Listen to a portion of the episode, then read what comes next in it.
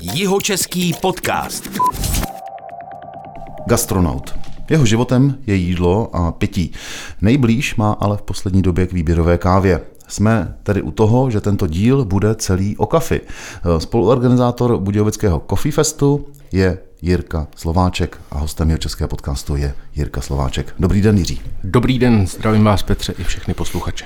Já se jmenuji Petr Meškán a poděkování na začátku patří tradičně našemu partnerovi společnosti Brillo Team, která staví velká e-commerce řešení a poskytuje také služby v oblasti online marketingu.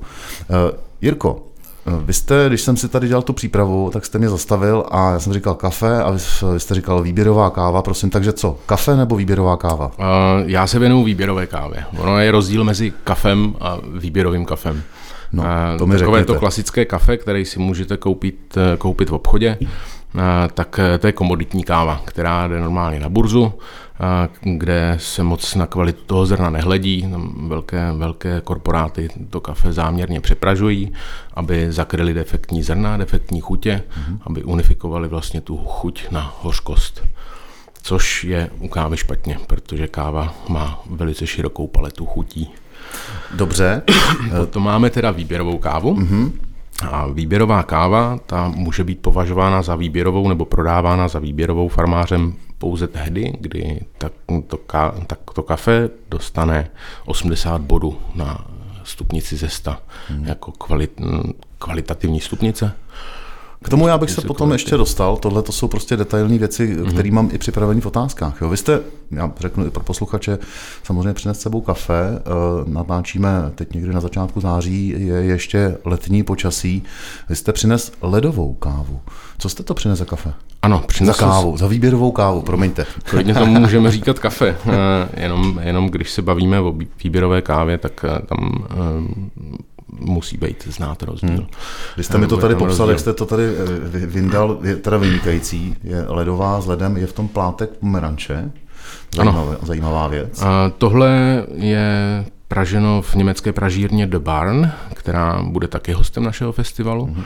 A jinak eh, The Barn má tady v Budějovicích plachý kafe Honza Aschenbrill, který je takovým pionýrem tady Budějovickým, hmm. co se týče výběrové kávy, a který to dělá svědomitě a je hodně, hodně precizní a je hodně přísný sám na sebe, takže proto, proto patří k mým favoritům tady v Budějovicích. No a pijeme schlazený batch brew, což je filtrovaná káva, schlazená a je to etiopská jednodruhová heirloom odrůda a je to promitou metodou zpracováno.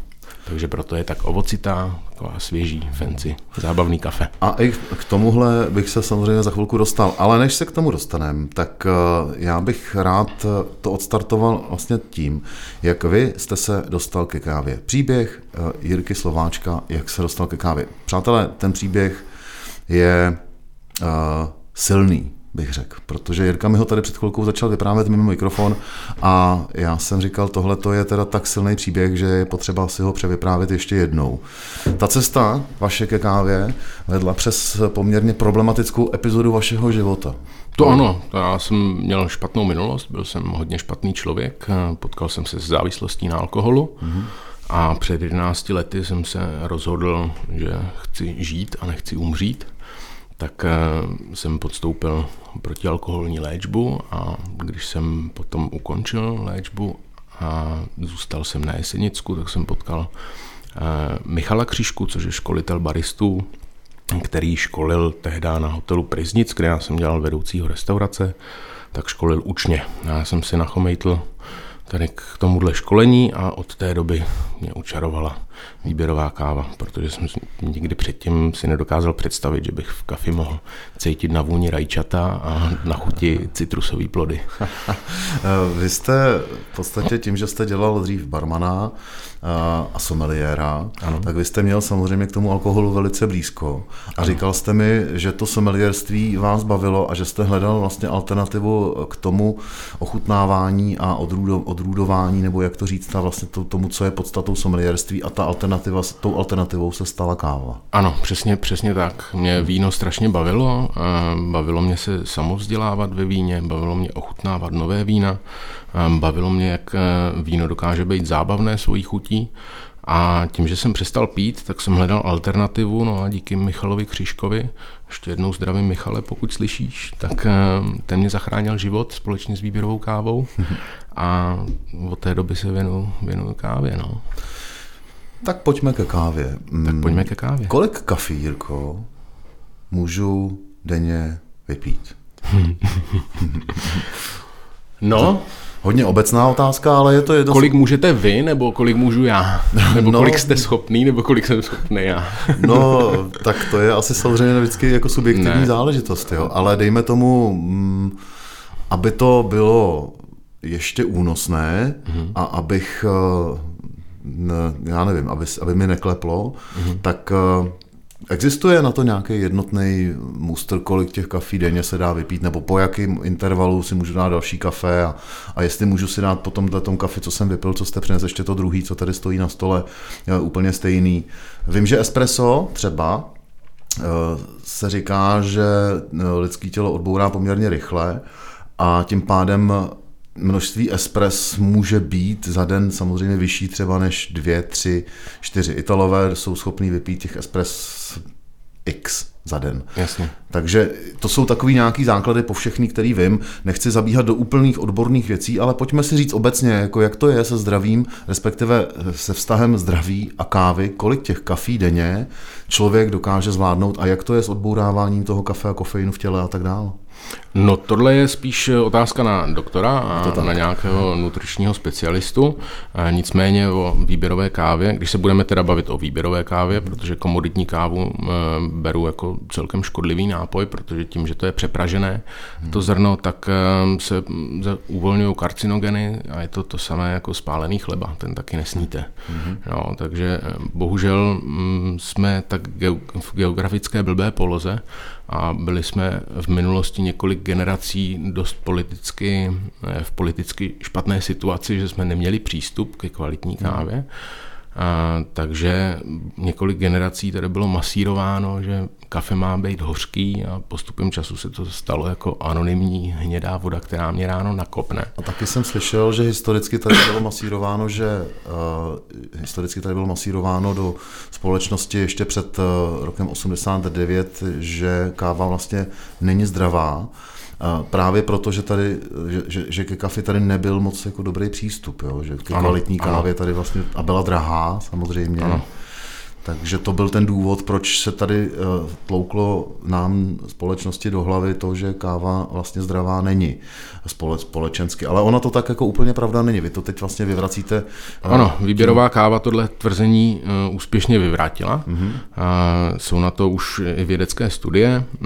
Když se bavím teda o škodlivé kávě, uh-huh o té přepražené komoditní kávě, tak tam to dokáže být i nebezpečné pro člověka. Ten žaludek to špatně zpracovává a občas se stane, nevím, jestli to znáte, když si dáte více, více kávy, eh, tak eh, je vám špatně od žaludku, hmm. je to takový, takový nepříjemný pocit a to právě způsobuje, způsobuje to, že jsou extrahovaný ty špatné látky, které úplně v kávě nechceme.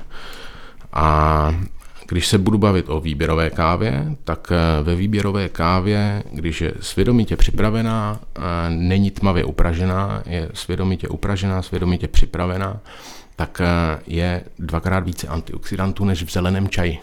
Mm-hmm. Takže eh, je to pro tělo prospěšné, mm-hmm. ale jak říkám, musí se opravdu dodržovat eh, ty postupy. Je to stejně jako když pečete buchty, necháte si kynout těsto, tak jsou nějaký časový limity určitý a určitý postupy, aby se vám to povedlo, abyste si pochutnal na těch buchtách, tak to samé je u kávy. K tomu se teď dostáváme a je to jedna z těch otázek, co mám, co mám připravené eh, budem, budu se zeptám se i na pražení, ale teď se pojďme bavit, vy jste na to narazil, na způsoby přípravy kávy. Jak to je? Kolik je vlastně těch způsobů přípravy kávy? Eh, protože teď poslední dobou, tak jak to pozoruju, jsou různé trendy v postupech a v přípravách a tak dále a mám pocit, že každý rok je nový trend, eh, pocit, říkám to nadneseně, v té přípravě kávy a říká se, ano, teď je prostě filtrovaná káva to nejlepší. Eh, já osobně mám rád espresso. Připravené italského typu, to mm. je mhm. prostě moje nejoblíbenější káva. Teď jasně. pojďme si říct, kolik je vlastně těch smysluplných příprav kávy. Turek, jasně, Zalitá. To bych úplně vynechal. To byste, Turka. tak mi, tak mi to protože, pojďte, pojďte mi protože to zkusit právě, shrnout. právě, že takový ten klasický český zalevaný turek, nebo mm. já bych to nechtěl ani nazývat turkam, protože turka, Turecku se turecká dělá káva se dělá v se dělá v jazzvě a potom se to přelévá. Jasně, a nezůstává tam ta Nezůstává právě ta sedlina. A ono je dokázaný, že eh, po nějakých třech, čtyřech minutách, když tu sedlinu máte pořád v kontaktu s horkou vodou, tak tam dochází k chemickým procesům. Jo, a uvolňují se právě ty látky, které v tom kafe nechceme cítit. Hmm. Takže když si udělám takového turka, nechám si ho vystydnout a potom ho vypiju, tak eh, to určitě ne, nedělá dobře Na nic. zažívacímu systému ani celkově organismu. Jo, nakopne vás to třeba na chvilku, ale zahrává, zahrává si člověk, když vypije pět takovýchhle kafí denně, tak opravdu jako Pojďme je to to nebezpečné. Bavíme se s váma v podstatě s, s, jako s baristou, s člověkem, co organizuje Coffee Fest. Jaké jsou teda teď ty nejzásadnější postupy přípravy kávy, s kterými se teď můžeme setkat a s kterými se setkáme a budeme se bavit i v Budějovickém Coffee Festu, mm-hmm. teď samozřejmě třeba na tom Budějovickém Coffee Festu. Tak světově ne, nejznámější asi mm, nápoj z kávy je espresso, hmm. no, které má původ v Itálii. Eh, Italům nelze upřít nejlepší espresso stroje na světě. Hmm. Tam eh, oni to prostě umějí a některé společnosti to mají opravdu jako Rolls Royce. Hmm. Espresso je takovým nějakým asi základem. Hmm. Jo, potom vlastně z espressa můžou vzniknout další nápoje. Když přidáme mléčnou složku, tak máme cappuccino, eh, kafe latte, můžeme mít flat white, když dáme dvojité espresso. Eh, Dále se dá espresso dát na led, dá se udělat na vanilkovou zmrzlinu, affogato, dá se udělat s tonikem, což je úplně skvělý teď v létě, když je, když je vedro a nechci do sebe, do sebe zbytečně eh, klopit eh, horké kafe, hmm. tak eh, si dáme espresso tonik, což je úplně skvělý, skvělý nápoj. Někdy se tam dá lupnout i trocha džinu, že jo, což pro vás teda není, ale uh, mám to rád, dá, to, dá, dá, dá se, dá se to, funguje to, dobře. Espresso, druhý espressa, jasný. Co dál? Eh, Potom jsou alternativní metody mm-hmm. přípravy kávy a ty, pod ty spadá zbytek vlastně to, co si můžu udělat i doma. Mm-hmm. Filtrovaná káva přes papírový filtr, to je za mě to je asi ta nejlepší metoda, jak si, jak si na kávě pochutnat, protože ten papírový filtr vlastně zachytí veškerý sediment a máte opravdu čistý šálek jasných chutí, mm-hmm. kde, vám to, kde vám to nic neruší okolo. A potom jsou alternativy jako French press, to radím každému začínajícímu, kdo chce, kdo chce začít s výběrovkou, kupte si ruční mlínek za pár stovek, kupte si French press za dvě stovky někde, hmm. někde v krámě a zkuste, zkuste doma, co vám chutná. Hrajte si s časem, hrajte si s hrubostí mletí hmm. a postupně uvidíte, že najdete, najdete způsob, jak si na té, na té kávě pochutnat. No, takže mm, ty alternativní přípravy, je, je jich hodně. Moka konvička, jazzva, ibrik, vlastně ta turecká káva, kterou jsme již zmínili. A dále Aeropress je teď hodně, hodně populární, mm-hmm. což je celkem nový vynález, který, který vzešel z Ameriky od Alana Adlera, který se spojil s výrobcem hraček, hm. společnost Aerobee, myslím, že se jmenuje, a udělali Aeropress. Vypadá to jako uh, trošku zvláštně, někomu to připomíná vakuovou pumpu, uh, ale dělá to kafe a dělá to úžasný kafe a dneska je dokonce mistrovství světa v přípravě přes Aeropress. A co to je teda ten Aeropress? Je to, je to vlastně takový píst s gumovým plungerem nebo s gumovou, špič, s gumovou částí, uh-huh. kde nalijete vlastně, zalejete kávu horkou vodou, otočíte to, stlačíte to vlastně celou tu vodu přes papírový filtr, mm-hmm. stlačíte rovnou do hrnku. Je to super na cestování, mm-hmm. je, protože je lehký, je skladný mm-hmm. a dá se z toho vykouzlit fakt super kafe. Dokonce James Hoffman z londýnské pražírny Square Mile vymyslel uh, kostky, kde si můžete hodit recepturu. Jedna kostka, na jedné kostce máte čas, čas extrakce, na druhé kostce máte zase čas bloomingu, což je vlastně předletní, před, před, před zalití kávy, jak to nazvat. Mm-hmm. Aby to, to spaření. Ro, jako, ano, to spaření, ano, děkuji. Mm. to spaření a teď nevím, jestli jich je pět těch kostek a, a je spočítáno kolem sedmi tisíc různých receptur, že si můžete hodit. Ola, takže, takže když jako fakt se do kafe natchnete, tak můžete si hrát. Káva je úžasný svět, nekonečných možností. Přátelé, kdybyste to viděli, tak Jirka teď úplně rozkvet rozesmál se a asi to bude takhle dál pokračovat, protože se stále bavíme o kávě a budeme se bavit o kávě. Teď jsme se bavili o způsobech přípravy, možná se k tomu ještě vrátíme, ale teď je tady ještě druhá věc a to je pražení. Možná začnu ještě úplně obecně. Jakou úroveň podle vás mají v současné době pražírny v Česku? No, Česko je si myslím v Evropě unikát celkem, protože jsme relativně malá země a třeba oproti Německu nebo Rakousku, tak eh, to je obrovský rozdíl a myslím si, že jsme vodost, vodost napřed. Mm-hmm. Nevím, jak Čím to je? kvalitně, ale mm, nevím, jak kvalitativně, ale určitě množstvím pražíren mm-hmm. jsme, jsme hodně vepředu.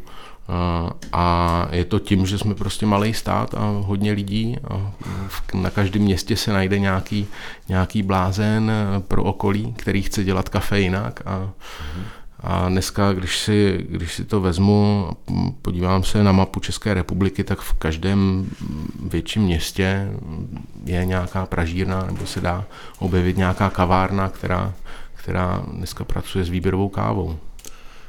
Je to lukrativní biznis? Mít pražírnu? No, lukrativní biznis, to, tohle bych spíš eh, viděl na otázku pro, pro nějaký, nějaký majitele pražírny. Já majitelem pražírny nejsem. E, nicméně lukrativní Mít malou ne... pražírnu v Českých Budějovicích a vím o pár pražírnách v Českých mm. Budějovicích eh, a k tomu kavárničku samozřejmě znamená, že ta kavárna sama o sobě ten biznis jako neudělá do, do, do důsledku, pokud mám pražírnu. To znamená, že ta pražírna, když přemýšlím, musí mít nějaký odbyt, musí mít eh, možná e-shop, musí Přesně mít tak. zákazníky a možná musí mít další kavárny, do kterých dodává. A potom aby samozřejmě... to generovalo nějaký aby to, zisk. Ano, ano, aby to generovalo no, nějaký tak. zisk. Není to jenom o tom, že si koupíte pražičku za půl milionu nebo za milion a zač, začnete pražit kafe a myslíte si, že jak to, je, jak to je všechno super, ale když si to ve finále spočítáte a chcete kvalitní zrno a nechcete úplně přepálit cenu a chcete to udržet tak nějak jako ve snesitelné hladině, aby to bylo snesitelné i pro zákazníka, a aby to bylo eh, rentabilní i pro ten podnik, mm-hmm. tak eh, tam musí být určitý balans. Mm-hmm. No, a když hledím na tu kvalitu, a ten zákazník to ví, že hledím na tu kvalitu, tak eh, si myslím, že vůbec jako nemá problém si připlatit za to kvalitní kafe, což je pro mě určitě dobré znamení. Dneska, dneska už lidi se začínají zajímat daleko víc o to, co pijou a co jí, aby podporovali lokální trh, aby nemuseli kupovat nic anonymního. Takže, takže je to, je to skvělý. A tady v tomhle jako Jižní Čechy, jelikož je to zahrada Čech, tak myslím si, že gastronomicky a i co se kávy týče, tak, tak jsme na tom celkem dobře. Říká Jirka Slováček. Teď se bavíme o pražení a pražírnách. To pražení jako takové a druhy kávy. Nedá se asi říct, že existuje jeden druh kávy, který je nejlepší, pokud teda pominu cibetkovou, ale to je trošku jako ještě jiný příběh. A víte, z čeho je cibetková káva? Tak uh, něco tuším. Doufám, že... Mě, ne, ne, Cibetky jsou malé psovité šelmy. Ano a ta káva jim mm, prochází záživacím ano. traktem. Ty, ty cibetky jsou chovány v otřesných, otřesných eh, podmínkách. Když, eh, jestli si pamatujete klecové chovy slepic u nás, tak něco podobného eh, je cibetková káva, akorát já teda měl pocit, že to vychází z, z původně z, z, z, přírody, z přírody, kdy cibetky žili ve volné přírodě, kdysi to takhle bylo. vykaděný boby. Ano, přesně tak. Kdysi to takhle bylo, kdy vlastně chodili domorodci eh, po hmm. lese a sbírali trus vlastně těch cibetek, který se živili těma kávovýma třešněma a, a to potom z toho dělali kávu a je, tohle, byl, tohle je jenom čistě marketing hmm. a nevím jak, jak vás, ale moje babička mě učila, že, že bobek do pusy nepatří.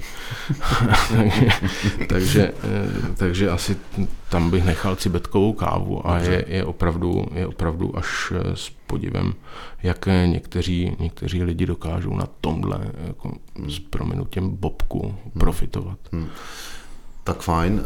O tom eh, se dál bavit nemusíme, nebudeme, ale jsou teda samozřejmě teď různé odrůdy asi kávy, eh, jsou samozřejmě lokality, odkud ta káva pochází, Afrika, Jižní Amerika jsou asi nej, nejzásadnější že země, odkud se ano. káva, nebo kde se káva pěstuje a tak dále. Eh, dalo by se to nějakým způsobem schrnout takhle, úplně vlastně obráceně. Mm, čím se vyznačují eh, světadíly Dá se, dá se to vlastně takhle nějak jako zobecnit a říct prostě rozdíl mezi eh, jeho americkou a africkou kávou, keňskou a, a kolumbijskou kávou. Že? Mm. kolumbijská mm. káva, dáte si šálek dobré, mm. nebo brazilská káva, dobré brazilské kávy, že cituju z filmu a tak dále. Ano. Jsou tam ty rozdíly, jak to, jak to vlastně je? Jako v každé té zemi, na, na každém tom světadílu, v eh, se pěstují jiný odrůdy kávy, jsou tam jiný přístupy k pěstování a potom jsou jiný postupy v pražení? Postupně to pojďme říct. Mm-hmm. Um, tak uh, samozřejmě káva, když se bavím o jeho americké kávě, uh, o té brazilské, ta Brazílie je teda největším mm-hmm. producentem kávy na světě. Uh, a tam je to bohužel, um, ta Brazílie je mezi baristama dost známá, že, eh, nebo bývala dost známá tím, že má takovou tu uh, unifikovanou chuť přesně do toho hořka, do těch lískových oříšků a že z Brazílie jako nikdy nic, nic fancy nepřijde. Mm-hmm. A poslední dobou se ten trend mění, naštěstí kdy už někteří farmáři v Brazílii pochopili, že když se o to kafe dobře postarají, tak ho můžou prodat za více peněz mm-hmm. a tím pádem si můžou dovolit poslat třeba syna na studia do zahraničí nebo zaplatit mu vysokou školu. A, a co se týče rozdílu mezi třeba africkýma kávama a jeho americkýma kávama nebo středoamerickýma kávama, tak tam určitě rozdíl je, tam záleží zase na podnebí, záleží na půdě, záleží na nadmořské výšce, záleží na způsobu zpracování, na možnostech vlastně těch farmářů, jaký vůbec mají.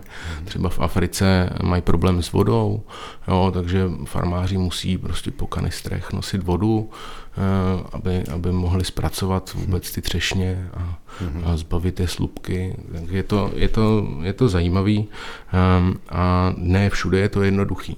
Hmm. No, ne každý farmář si může, může dovolit, dovolit uh, velké stroje koupit a proto, proto jsou určité zpracovatelské závody, které združují farmáře většinou z okolí, uh, kde ti farmáři vozí svoji sklizeň, svoji úrodu a ta zpracovatelská stanice to potom zpracovává následně, hmm. to kafe.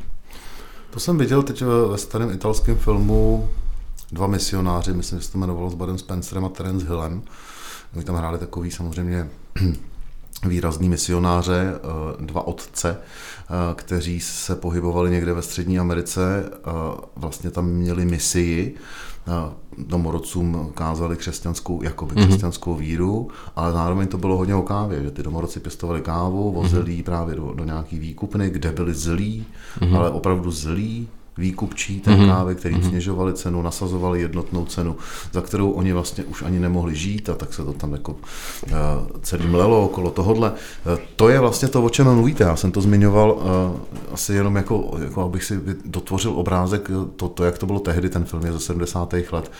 Uh, ten, ten, ten, ten děj se odhrával ještě jako daleko dál v historii, mm-hmm. samozřejmě ještě v dobách, kdy jako jezdili do Ameriky nebo i do Afriky misionáři. Hmm.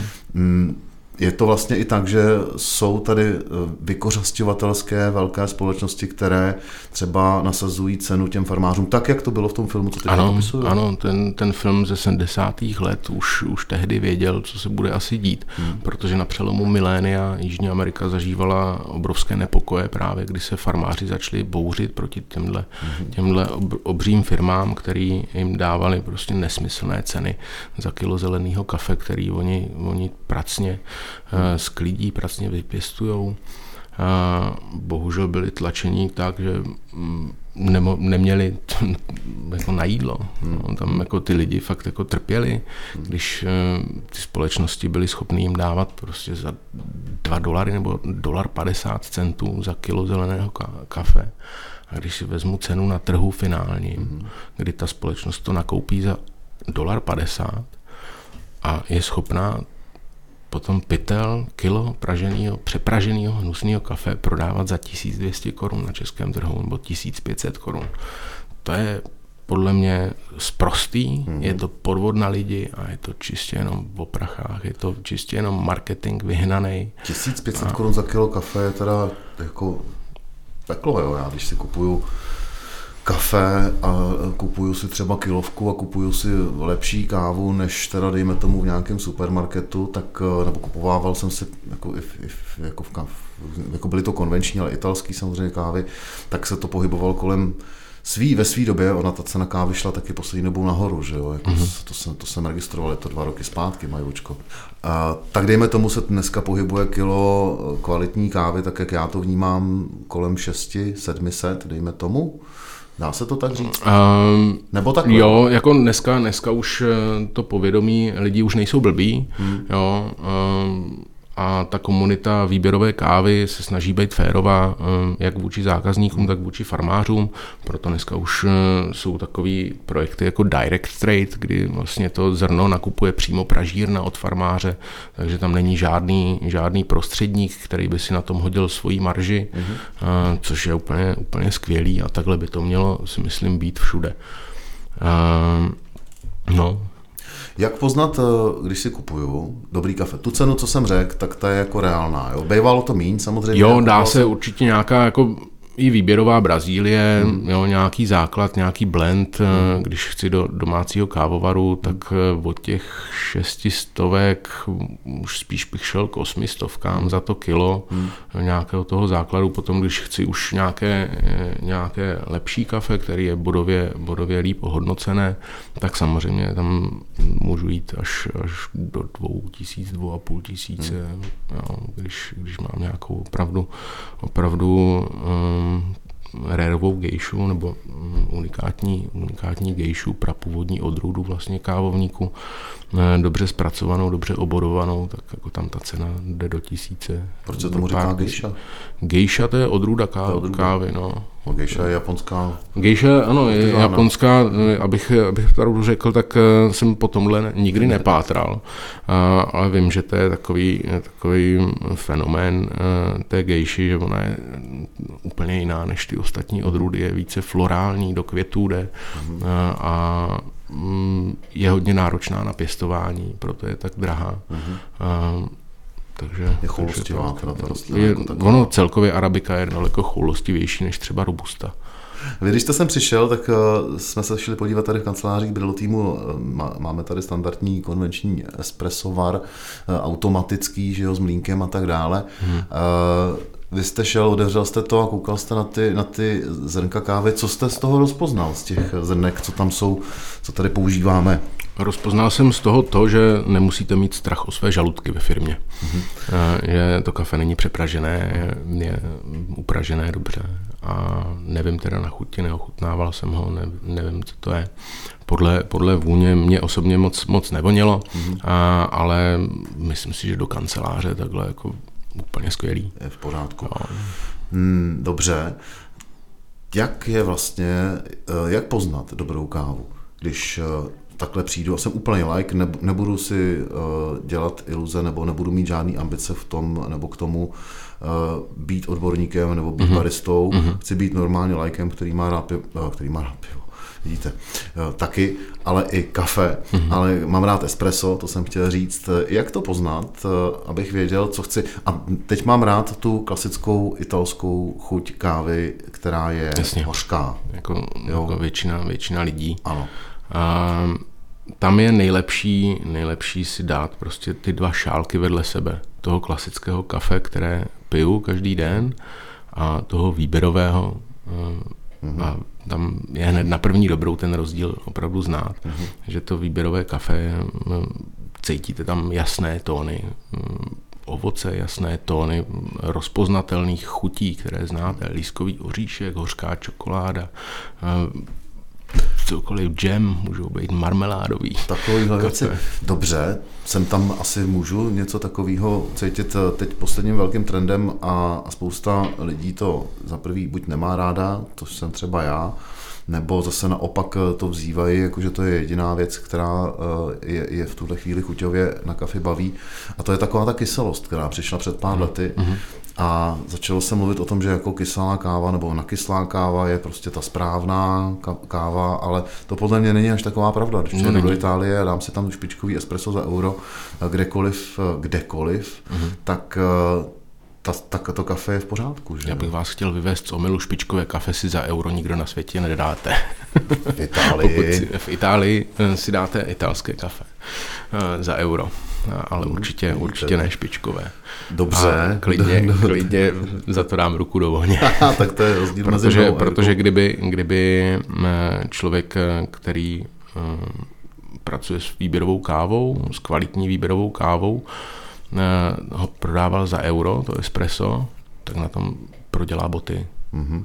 No, je to, je to absolutní, absolutní blbost. Kolik teda Ale... má stát espresso v Itálii, aby bylo špičkový? No ono v Itálii, každá ta země asi je jinak s daněma, mm-hmm. jo, nevím, když budu brát třeba tu českou, to, to český podnebí tady naše, uh, nebo tu komunitu, tak uh, vůbec jako se nebojím 50-55 korun mm-hmm. jo, dát za espresso, mm-hmm. jo, protože pořád to jsou dvě eura. Mm. Jo, mm. A tam si myslím, že když to má pražírna nastavený tak nějak, tak si myslím, mm. že dokážou sami sebe uživit. No. Jeho český podcast. Chci si koupit kvalitní Eh, zrnka do svého domácího automatického kávovaru typu, který máme tady v kanceláři, mám stejný. Eh, a chci, aby ta káva chutnala tak, jako chutná v Itálii. Jakou si mám koupit?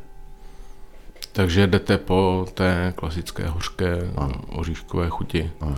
A určitě bych se vyhnul asi promitému zpracování kávy. Jak to poznám? Eh, je to napsané na obalu, uh-huh. no, když se bavím teda o výběrové kávě. Uh-huh. A jsou dva takové základní způsoby, naturální a, a promité, promitý způsob zpracování, kde naturální vlastně se nechá schnout eh, v té třešni uh-huh. to zrno, tím pádem do toho zrna jde více cukru a teprve až potom po uschnutí se to odslupkovává, vypeckuje vlastně a, to kafe se vyjme vlastně z té třešně, když to promité zpracování, to se namáčí ve vodě a, a odslupkovává se to a potom to jde sušit vlastně to zelený zrno. A pak se to praží. A potom se to praží, pak to jde vlastně do pražírny a to člověk upraží. Jak má být ta káva pražená, aby nebyla, vy jste to tady zmínil, přepražená mm-hmm. a aby mě zase, budu se bavit sám za sebe, aby mě e, uspokojila svůj chutí a udělala mi to espresso, který mám rád.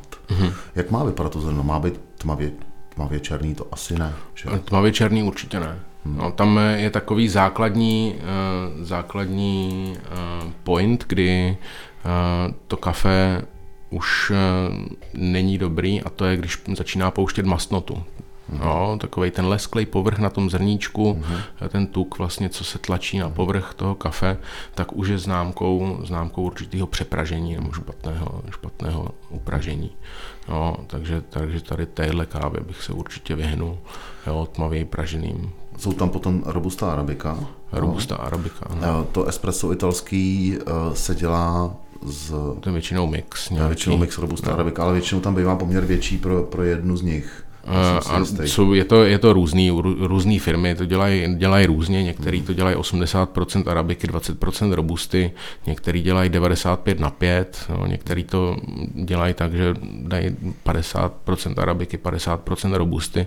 Tam u té robusty je problém v tom, že vlastně ona nemá tak obsáhlou paletu chutí. Jo. Tam je ta, ta chuť opravdu zemitá, hmm. hořká, není to, není to dobrý a když dám do toho blendu už jenom malé množství té robusty, tak mě to kompletně překryje vlastně tu, to pěkný, to, to super, co chci, co chci z toho kafe cítit v té arabice. No, mm. takže, takže i těch 5% robusty v blendu dokáže, dokáže úplně, hm. úplně šílenosti.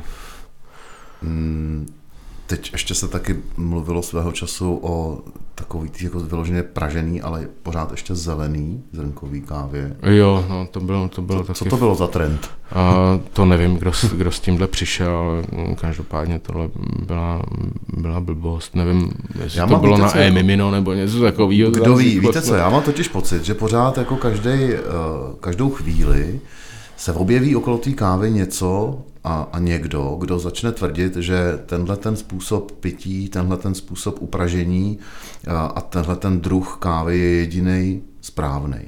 Ale tak to přece není. Není jediný správný. vě- vě- většinou, ale teď jako mně se líbí, že vy vlastně nejste uh, takhle radikální a že nemluvíte jenom o jednom, že se bavíme se tady o celé škále samozřejmě možností, co z té kávy jde, jde dostat. Ale uh, je to teda i o tom uh, způsobu upražení a uh, potom dělají se teda několik druhů asi pražení, že jo?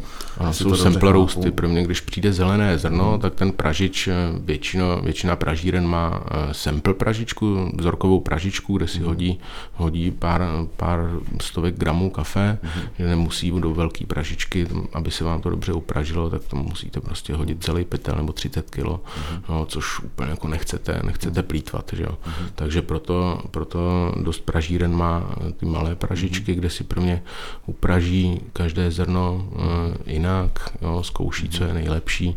To už je potom, potom o té chuti. Je právě potřeba to umět eh, dobře vybalancovat, aby vlastně veškeré cukry byly, byly dobře vyhnaný, eh, nebyla tam vel- velká kyselost, nebyla tam velká hořkost. Prostě to kafe musí být o balancu, stejně jako život. Dobře, já se v tom začínám trošku ztrácet, teda popravdě řečeno.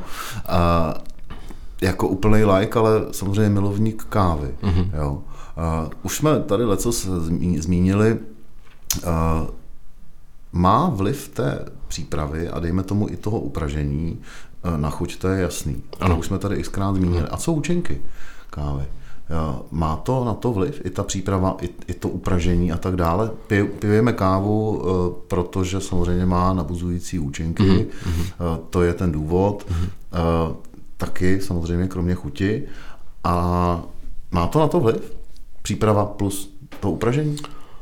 A co se týče jako množství kofeinu, hmm. co do sebe dostávám, hmm. tam si myslím, že to je stejný, ale popra- hmm. popravdě, popravdě nejsem, nejsem lékař a nejsem vědec, a, ale tam ať už, ať už si udělám to kafe z přepraženého, z přepraženého zrna nebo, nebo z, mé, z méně upraženého zrna, tak si myslím, že toho kofeinu do sebe dostávám stejně. A teď mám pocit, že jsme to trochu zakecali. Eh, Jak je to s tou kyselostí teda?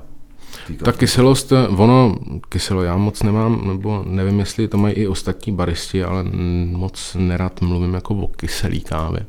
Ona je e, ovocitá spíš, mm-hmm. jo, protože každá ta odrůda, abych to přiblížil teda úplným lajkům, když se bavím o arabice, tak eh, je strašně moc odrůd arabiky. Tak jako víno má rulanské šedé, Millera, máte Veltlín, máte Riesling, tak to samé je vlastně s těma kávovýma třešněma. Uh, jsou různé odrůdy, jako je Heirloom, Bu- Red Bourbon, Pink, Bourbon, uh, je jich strašně moc, šlechtí se další, snaží se křížit další. Uh, takže každá ta odrůda chutná trošku jinak, má jiný chuťový profil. Mm-hmm. No, proto já třeba um, mám hodně rád ty jednodruhové kávy, kdy vím, že tam je jeden druh uh, té tře- kávové třešně, a je to, je to dobře zpracovaný a tak vím, co od toho mám čekat. Že vlastně, na, když si vezmu pytel výběrové kávy nebo ten, ten balíček výběrové kávy, co si koupím domů, tak na každém tom balíčku mám vlastně informaci o chuťovém profilu. Hmm. No, takže, takže tohle bych tam měl jako cítit a je to zároveň takové vodítko pro toho člověka, mm-hmm. a když eh, si nastavuje tu recepturu jo, a zkouší jo, a zjistím, že když to mám hodně hořký, takže bych to potřeboval buď ubrat stupně na vodě, a, anebo, anebo trošku upravit mletí, mm-hmm. aby, to, aby to proteklo trošku rychleji. Mm-hmm. Když, to, když eh, nám to, když se budu bavit o filtrované kávě přes papírový filtr, přes takzvanou V60, tak eh, tam když to trvá dlouho, když to teče dlouho, znamená to, že to je jemně namleté, tudíž se to více déle extrahuje, tudíž mě tam jde více těch hořkých látek do toho.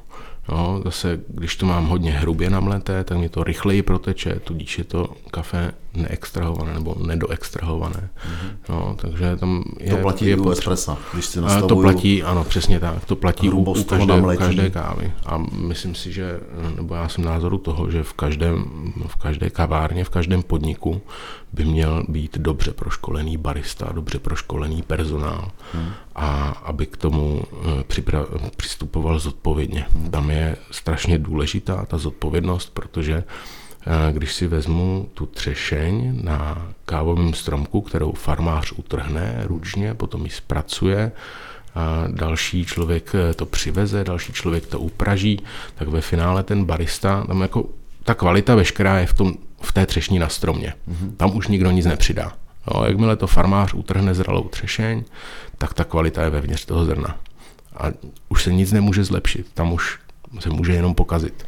Jo, když, a když všichni v tom řetězci, v tom řetězu udělají všechno tak, jak mají a svědomitě a přistupují k tomu zodpovědně, tak ve finále si pochutnám na skvělý kávě. No. Já jsem fascinovaný v tuhle chvíli eh, z toho, jak vy, a slyším to poprvé v životě, eh, jak vy používáte, eh, co se týče těch kávových bobů, slovo třešeň. On, oni jsou to opravdu jako třešně? To se tam, to se no, to je, právě lidi si to neuvědomují, ale káva je ovoce. Mm-hmm. Proto tak chutná, proto by měla chutnat po ovoci a není to nic špatného, když z kávy cítíte pomeranče nebo, nebo pečené jablka.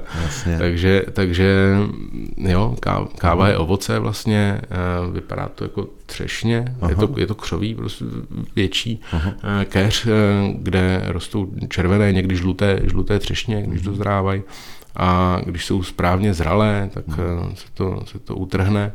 Většinou, eh, když se bavím o výběrové kávě, tak eh, se to dělá ručně, že tam není strojová sklizeň, ale ti farmáři opravdu třešeň po třešni, růčo, všechno utrhnou, hodí si to do té ošatky nebo do té nůše na záda hmm. a nesou to, nesou to domů, kde to následně vlastně odpeckujou. Mm-hmm. Vlastně ta pecka je ten, ten kávová, kávový bob, který mm-hmm. já chci z té třešně. Mm-hmm. A v každé třešní jsou dva, jsou jako proti sobě, uzavírají takový vajíčko. Jakoby. Mm-hmm. A, a vlastně e, při tom zpracování se ta dužnina musí dát pryč, jo? Mm-hmm. aby jsme to mohli upražit. Takže se potřebuje odstranit dužnina, aby jsme měli boby zelený, kde, který se vysušíme a potom to cestuje do pražičky. Co se dá dělat s tou dužninou? Dělá se z toho něco? Jasně, dneska už jo, naštěstí. Teda. Myslím. A co? Říká se tomu kaskara, je to kaskara Aha. a je z toho výborný čaj. je to úplně super. Sušený slupky z kafe jsou fakt, fakt boží. A jo. když když třeba mám problémy eh, s kafem, jako všeobecně, tak tohle, tohle je skvělá alternativa, která vás taky dokáže, dokáže eh, trošku nakopnout. Mm-hmm. A dokáže, Takže obsahuje kofein, jo? A, taky. Mm-hmm. No vidíte, to jsem ani netušil. Uh, Nevím, a... jestli, jestli úplně kofein, mm-hmm. nebo je to nějaký, nějaký jiný alkaloid, mm-hmm. ale, mm-hmm. ale obsahuje, obsahuje látky a spoustu antioxidantů také. Je tohle eh, tady u nás dostupné? Takhle ještě, nebo ano, zeptám se takhle. Ano. Dá se to už u nás jo. samozřejmě V Budějovicích tady kmeni, to mají ve kmenu, mají kaskaru. Mm-hmm. Myslím si, že eh, i kafe Datel a v kavárnách Aha. už dneska jako, si myslím, že je běžný dostat, dostat nápoj z kaskary, ať Aha. už v teplé verzi nebo ve studené. Zajímavý. Hmm, mám tady jeden takový bonmot, ale ten si nechám, možná ho použiju, možná ne tímhle se dostáváme eh, k Budějovickému Coffee Festu. Mm-hmm. Vy jste spoluorganizátor, který, kolikátý ročník teď bude? A bavíme se, teď točíme na začátku září, eh, ten letošní, v roce 2023, bude kdy v říjnu? 7. a 8. října o mhm. víkendu, mm-hmm. sobota a neděle to bude. Mm-hmm. A bude to od 10 hodin od soboty a mm, končí se někdy kolem 4. 5. hodiny večer v neděli. Mm-hmm. A, a jsme vlastně letos Oficiálně je to druhý ročník, uh-huh. ale předtím jsme měli takový uh, nultý ročník zkušební, uh, jako pankáči ještě právě s Honzou Ašenbrilem v Plachý kafe, kdy jsme do té malé uličky dostali skoro tisíc lidí. Uh, a všechno se to odehrávalo uh, v baráku vlastně, kde je Plachý kafe uh-huh. a uh, ještě dodatečně děkuji paní Ašenbrilové, že nám to umožnila s panem Ašenbrilem půjčit si jejich dům a e, co mají v centru města a udělat tam, udělat tam malý festiválek výběrové kávy. No a tam jsme právě zjistili, že po výběrové kávě lidi prahnou a uh-huh. zajímají se o kávu, zajímají se o to, co pijou uh-huh. a co jí. No, takže mm, vlastně tam tenkrát měla Týna, dneska Kocifeová, předtím Mokráčková, mm. měla Bystrodem tam mm.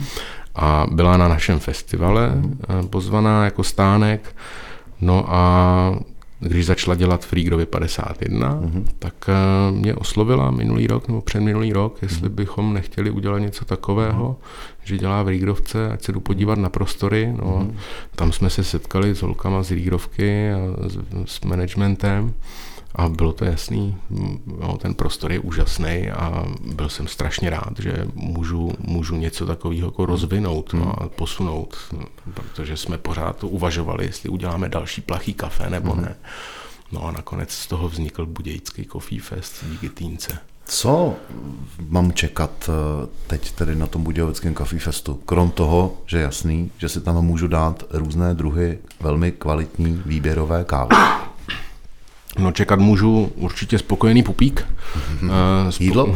jídlo, pití. Eh, budou to dva dny skvělých přednášek. Máme pozvaných strašně moc skvělých hostů. Mm-hmm. Oproti Loňsku jsme se rozšířili o půlku. Mm-hmm. To znamená, že minulý rok jsme měli 8 pražíren, který přijeli. Letos jich máme 12. Podařilo se nám pozvat všechny sousedy, takže máme pražírny ze Slovenska, z Polska, z Německa i z Rakouska. Mm. A s něma ti přivezou všechno, co to nejlepší, co mají. Mm. A plus samozřejmě zbytek českých pražíren, samozřejmostí je lokální jeho český kmen a jejich, jejich produkce, na kterou se strašně moc těším. A, a myslím si, že udávají směr tady v Jižních Čechách. Jirko, když tam přijdu na ten Coffee Fest, mm-hmm. uh, tak uh, a budu chtít uh, italský espresso, nebudu za Espresso tam určitě, pojďme, pojďme, pojďme uh, úplně vypustit to italské. Dobře. Jo, pojďme se bavit jenom o espresso. Uh-huh. Jo, um, určitě espresso tam bude. Uh-huh. Uh, jo, espresso, espresso stánky tam budou tři.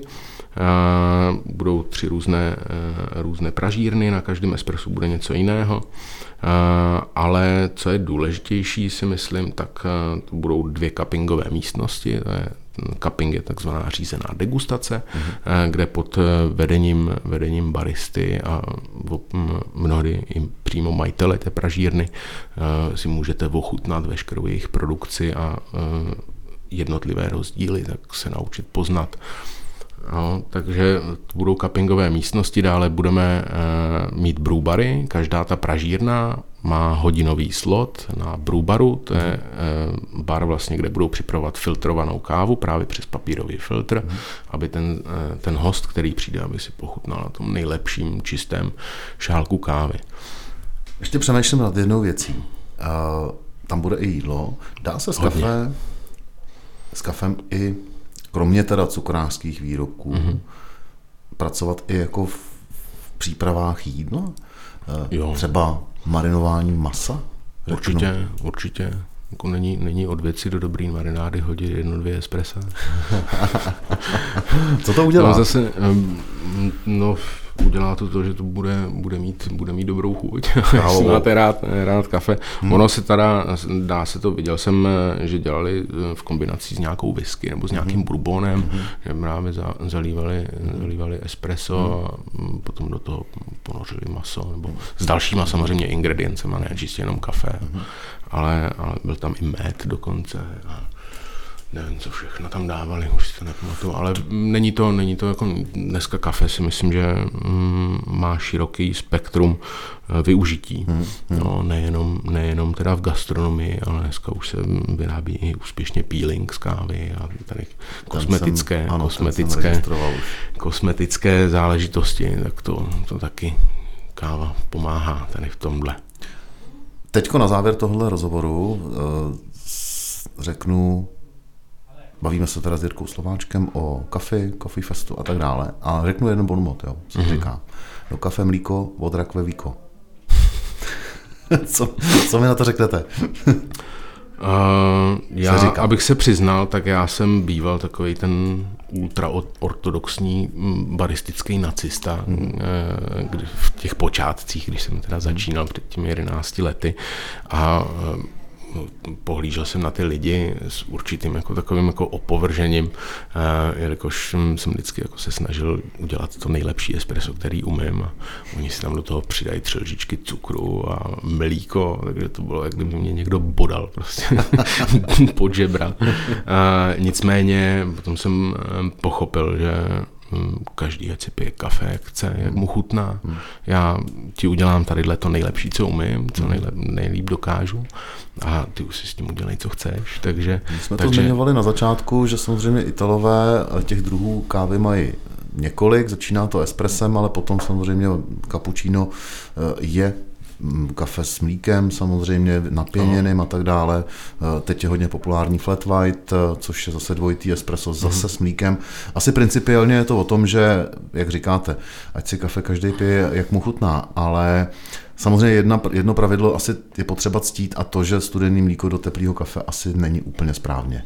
Um, no dneska už taky, taky se dělá no, ice latte, že jo, na, na vychlazený mlíko s ledem nalijete espresso. Mm-hmm. No, tak, takže tam jako je nepřeberně množství možností, které můžete s kávou udělat a s dobrým espressem. Takže to, co se říká do kafe mlíko od rakve víko, ne, neplatí. Vůbec, vůbec bych tohle nebral, nebral jako vážně. A já osobně taky občas si dám kapučíno, no, když, chci, když chci vidět, co umí barista, tak si dám kapučíno. Mm-hmm.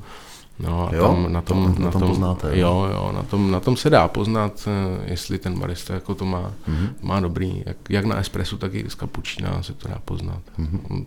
Tam jenom ta pěna prostě by měla být krásně hladká, lesklá. Mm. Jo, když do toho máte no, nakreslený srdíčko nebo labuť, tak prostě potěší každýho, že jo. Jasně. Vypadá to dobře a Jo, když, když je barista dobrý, tak já vždycky jako se rád na to koukám a rád zajdu na kafe a rád si dám i to kapučíno. Líbí se mi, jak nejste jako ortodoxní. Jak jste otevřený. Býval jsem. Býval jste ortodoxnější. Ano. Chci říct, že tohleto, tohle jsem nečekal. Vlastně mě to docela příjemně potěšilo. Probrali jsme toho spoustu ohledně kafe. Já bych Pro... ještě můžu. Můžete. Já bych chtěl zbořit jeden mýtus. Řekněte. A to jsou těhotné ženy a kojící mámy. Ale Když se bavím se. o výběrové kávě, tak vůbec se nebojte filtr, filtrovaný kafe nebo jedno uh-huh. espresso prostě denně neuškodí ani vám, ani dítěti. I když žena kojí? I když žena kojí. Nedostane se jí do mlíka kofein a nebude dítě pak nespavé? Tak když nakojí a dá, a dá dítě spát, dá si espresso, tak si myslím, že tak espresso je, se říká, že espresso je z těla do hodiny, nebo tak nějak. Je to tak? No, máte šlo, pěkně, dítě si pospí po obědě, vy ne? Můžete, můžete si dát kafe, pouklízet doma, ne, ale určitě, určitě, když je dobrá kavárna, dělá se všechno svědomitě a zodpovědně, tak eh, tam to kafe dokáže být prospěšný, velice prospěšný nápoj. A jak jsem říkal, těch antioxidantů má v sobě hodně. Díky. Eh, zbořili jsme mýty, eh, vysvětlili jsme si spoustu věcí. Myslím si, že okolo kafe eh, se nedá všechno zhustit do jednoho podcastu, nedá se všechno zhustit do jednoho rozhovoru. Hostem tohoto dílu byl Jirka Slováček, organizátor Budějovického kafefestu a gastronaut a milovník kávy a barista. Díky za to, Jirko, budu se těšit na viděnou třeba na kafefestu nebo někdy jindy. Přeju hodně zdaru a hodně dobré kávy. Já vám děkuji, Petře. Zdravím všechny posluchače a bylo mi ctí a národním svátkem tady strávit s váma tenhle čas. Říká Jirka Slováček, já se jmenuji Petr Meškán a těším se s váma naslyšenou zase u dalšího dílu jeho českého podcastu. Jeho český podcast. Sponzorem podcastu je Smart Emailing, oblíbená česká platforma pro e-mail marketing s pokročilou automatizací a napojením na různé marketingové kanály. Využijte našeho know-how třeba formou workshopů. www.smartemailing.cz